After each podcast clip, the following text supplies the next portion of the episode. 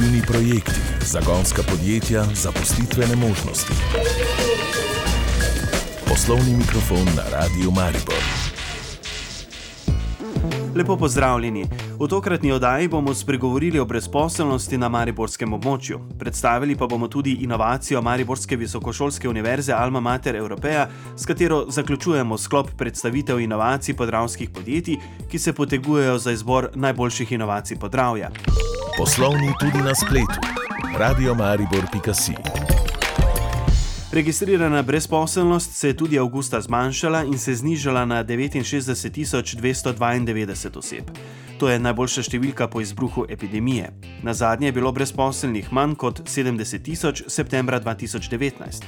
Število brezposelnih se je avgusta na mesečni ravni znižalo za slaba 2 odstotka, na medletni pa skoraj za 21 odstotkov in pol. Brezposelnost se še naprej zmanjšuje tudi na mariborskem območju. Direktor Mariborskega zavoda za zaposlovanje Bernard Mimon. Konec avgusta smo imeli 9458 brezposelnih oseb, kar je sicer 19,3 odstotka manj kot eh, v enakem obdobju lani. Dejansko, glede na to, da imamo delovno aktivnih prebivalcev 95 tisoč, je registrirana brezposelnost 9,3 na našem območju in je še vedno za dve odstotni točki više kot je preče Republike Slovenije. V primerjavi z prejšnjim mesecem se pa pravzaprav brezposelnost na območju območne službe Maribor znižala za 2,6 odstotka, tako da še vedno beležimo. Padec števila brezposelnosti je pa dejansko ta dinamika, se mora biti malo počasnila, eh, dinamika zniževanja števila brezposelnih oseb. Kot pravi sogovornik, je največ odjav brezposelnih oseb zaradi zaposlitve na področju predelovalne dejavnosti. Tam je pravzaprav predelovalne dejavnosti vezane predvsem na avtomobilsko industrijo in smo v obdobju od januarja do uh, julija 2021 pravzaprav imeli prehod v zaposlitev na področju predelovalnih dejavnosti 1056 oseb. Tudi gradbeništvo se deloma pobira, res pa je, da gradbeništvo pretežno meji sedaj z projekti na področju primorske, v, se pravi z, v investicijo v drugi tir. Vendar kljub vsemu, eh, pravzaprav v Mariboru kar precej aktivno napotujemo osebe na informativne dneve in pravzaprav tudi poskušamo vse narediti, da bi se čim več ljudi prezaposlilo v gradbeništvo, tudi če gre za lokacijo na, na delovišče na, na drugem delu Slovenije. Stanje se izboljšuje tudi v gostinstvu in turizmu. Vendar še vedno ni takšnega razcveta na področju gostinstva in turizma kajti v celoti ni zaživel turizem. Gostinstvo se odpira posamezne dejavnosti na samem področju turizma, pa moram reči, da še ni zacvetel v celoti, kajti zelo so previdni zaradi vseh teh ukrepov.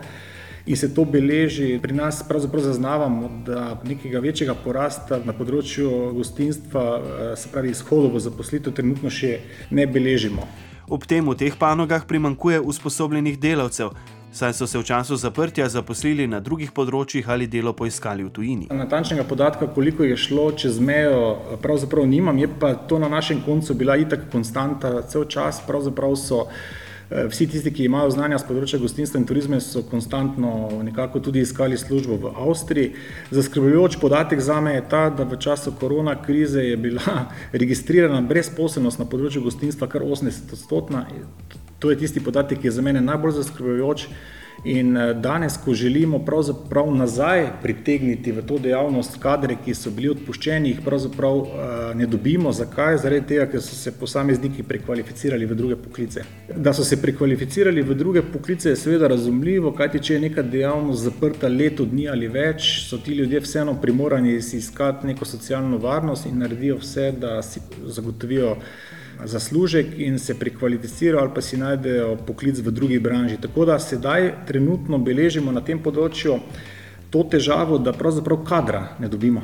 In moramo toliko intenzivneje delati na prekvalifikacijah in dokvalifikacijah, se pravi na področju našega usposabljanja, da kadre usposobimo za poklic eh, natakar, za poklic eh, kuharski pomočnik in tako naprej. Tako da bomo verjetno mogli v prihodnosti dosti več energije vlagati v, v to smer. Se pa med drugim povečuje zaposlovanje na področju obrambe. Verjetno je to posledica tega, ker je država šla v kar spodbudne oblike zaposlovanja na področju vojaškega poklica in uh, moram reči, da je tukaj se kar že v številkah pravzaprav pozna, da se dejansko uh, to stanje popravlja.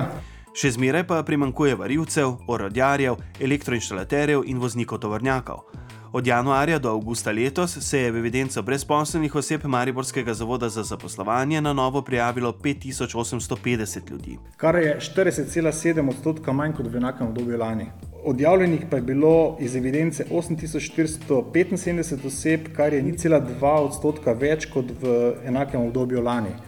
Tako da tudi ti podatki pravzaprav kažejo, da kar eh, precej se izboljšuje stanje primerjalno z eh, enakim obdobjem eh, lani pojasnjuje direktor Mariborskega zavoda za zaposlovanje Bernard Mimon.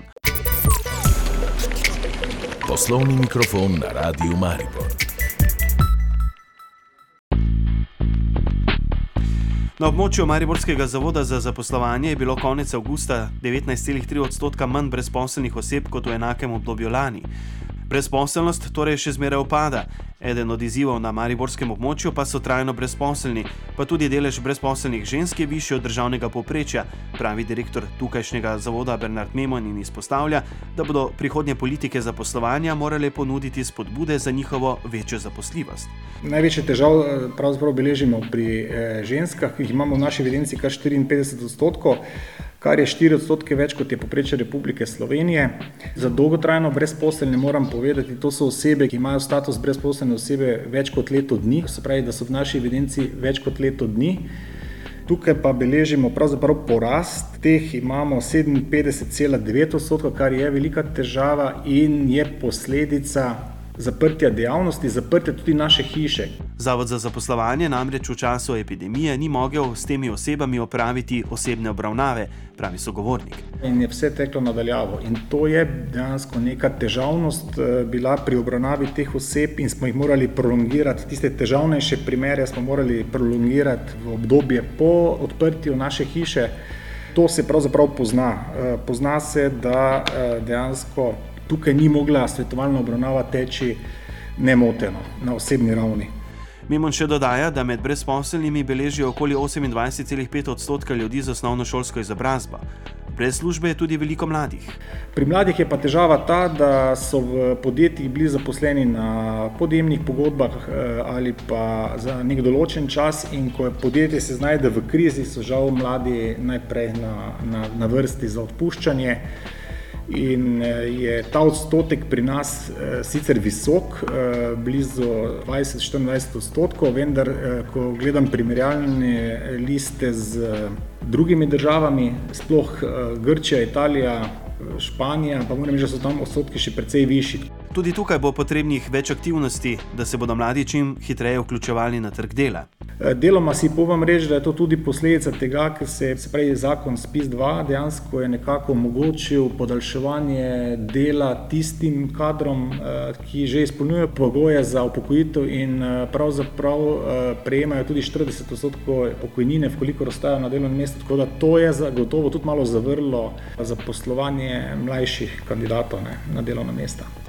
Direktor Mariborskega zavoda za zaposlovanje Bernard Miman še pravi, da so napovedi delodajalcev za prihodnje leto spodbudne. So napovedali, da bodo v tem letu pravzaprav uh, zaposlovali kader. Blizu 30 tisoč oseb bi se po njihovih napovedih v celi Sloveniji naj zaposlilo. Eh, delež, ki pripade na našo območno službo, je približno okrog 12-13 odstotkov tega, te številke, se pravi, tam okrog 3000, 3700 eh, oseb bi naj pravzaprav dobilo zaposlitev v naslednjem letu in delodajalci nekako izkazujejo celo iz stališča, da naj ne bi imeli večjih težav pri iskanju kadra. Tako da, prav tako rast bruto družbenega proizvoda v drugem četrtletju, ki je 15,4 odstotka višji kot je v enakem obdobju lani. Tako da vse te številke nekako nakazujejo, da uh, lahko pričakujemo stabilno situacijo na trgu dela. Ni pa to dovolj, če v luči epidemije mi kot posamezniki ne bomo opravili domače naloge s cepljenjem, opozarja Mimon. Večkrat rečem, eh, cepljenje pravzaprav preprečuje odpuščanja. Eh, tako v realnem sektorju, kot na splošno. In eh, jaz mislim, da se moramo vsi zavedati, da če izpolnjujemo, če vsak posameznik pri sebi izpolni ta pogoj, da je družbeno odgovoren, da s tem vpliva tudi na trg dela in na zaposlovanje. Kajti pripričan sem, da nekatera podjetja, eh, vkoliko se bodo krize podaljševale, če se bo ta kriza podaljševala, bodo primorana tudi v odpuščanje. Memon še izpostavlja, da je od nas samih torej odvisna gospodarska oziroma ekonomska situacija v državi. V zadnjem delu oddaje pa spregovorimo o inovaciji Mariborske visokošolske univerze Alma Mater Evropeja. Na javnem razpisu Evropski razpisi, predstavitve poklicev, pozitivne zgodbe našega okolja. Pravci bomo obrnili to tehnologijo v svoj prid. Poslovni mikrofon na Radio Maribor. Med letošnjimi inovacijami, prispelimi na izbor naj inovacij podravja Štajerske gospodarske zbornice, je tudi produktna oziroma kombinirana inovacija Mariborske samostojne visokošolske institucije Alma Mater Evropeja. Ustanova, ki ima v Mariboru študijske centre tudi v Ljubljani, Murski soboti in v Kopru in izvaja zlasti programe za deficitarne oziroma zaposljive poklice, je tudi letos marca izvedla mednarodno znanstveno konferenco, tokrat poimenovano Za človeka gre: Digitalna transformacija v izobraževanju, znanosti in umetnosti. Vanja Jus, pomočnica glavnega tajnika Alme Mater Evropeja. Letos smo se pa odločili, da prispevamo k reševanju globalnemu izzivu, se pravi, prispevamo k izhodu iz krize COVID-19. Zadali smo si, da zberemo strokovnjake iz različnih področji, od informacijske tehnologije, umetnosti, zdravja, psihologije, fizioterapije, organizacije tujih jezikov, menedžmenta, se pravi, res pestro paleto strokovnjakov. Zadali pa smo si izziv, da teoretično znanje prenesemo v prakso. In prav to so na inovativen način na področju fizioterapije tudi storili, pravi sogovornica. Ena skupina fizioterapeutov, ki je na podlagi izkušenj, znanj, ki jih je pridobila tudi na naši organizaciji, pripravila program za vodeno vadbo, fizioterapevtsko vadbo nadaljavo. Se pravi, da bodo posamezniki ali skupine, ki imajo težave z posledicami COVID-a, se pravi težave z dihanjem, bodo to terapevtsko obravnavo prejeli nadaljavo, lahko jo bodo izvajali doma in bodo hkrati tudi imeli podprto z strani strokovnjakov Alma Mater. In kako to izgleda v praksi? Je to ena spletna stran, na katero bodo posamezniki dostopali, se bodo tam prijavili, povedali svoje težave in na podlagi tega bodo fizioterapeuti predpisali samo terapijo in jih vodeno tudi vodili skozi sam postopek, izvedbo in rezultate.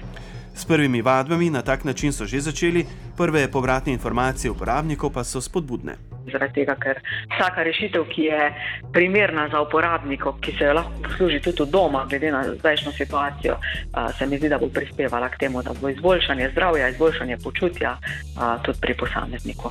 Še pravi Vanja Jus, pomočnica glavnega tajnika Alme Mater Evropeja. S tem pa tudi zaključujemo sklop predstavitev inovacij podjetij, ki se potegujejo za izbor najboljših inovacij podravja. To je bilo vse v poslovnem mikrofonu, ki smo ga pripravila tonski tehnik Zoran Perko in novinar Aljaš Mejal. Oddajo lahko najdete na spletni strani Radio Maribor.si, sicer pa vabljeni, da se nam ponovno pridružite naslednji torek, nekaj čez 11. uro. Lepo zdrav! Poslovni tudi na spletu. Radio Maribor.si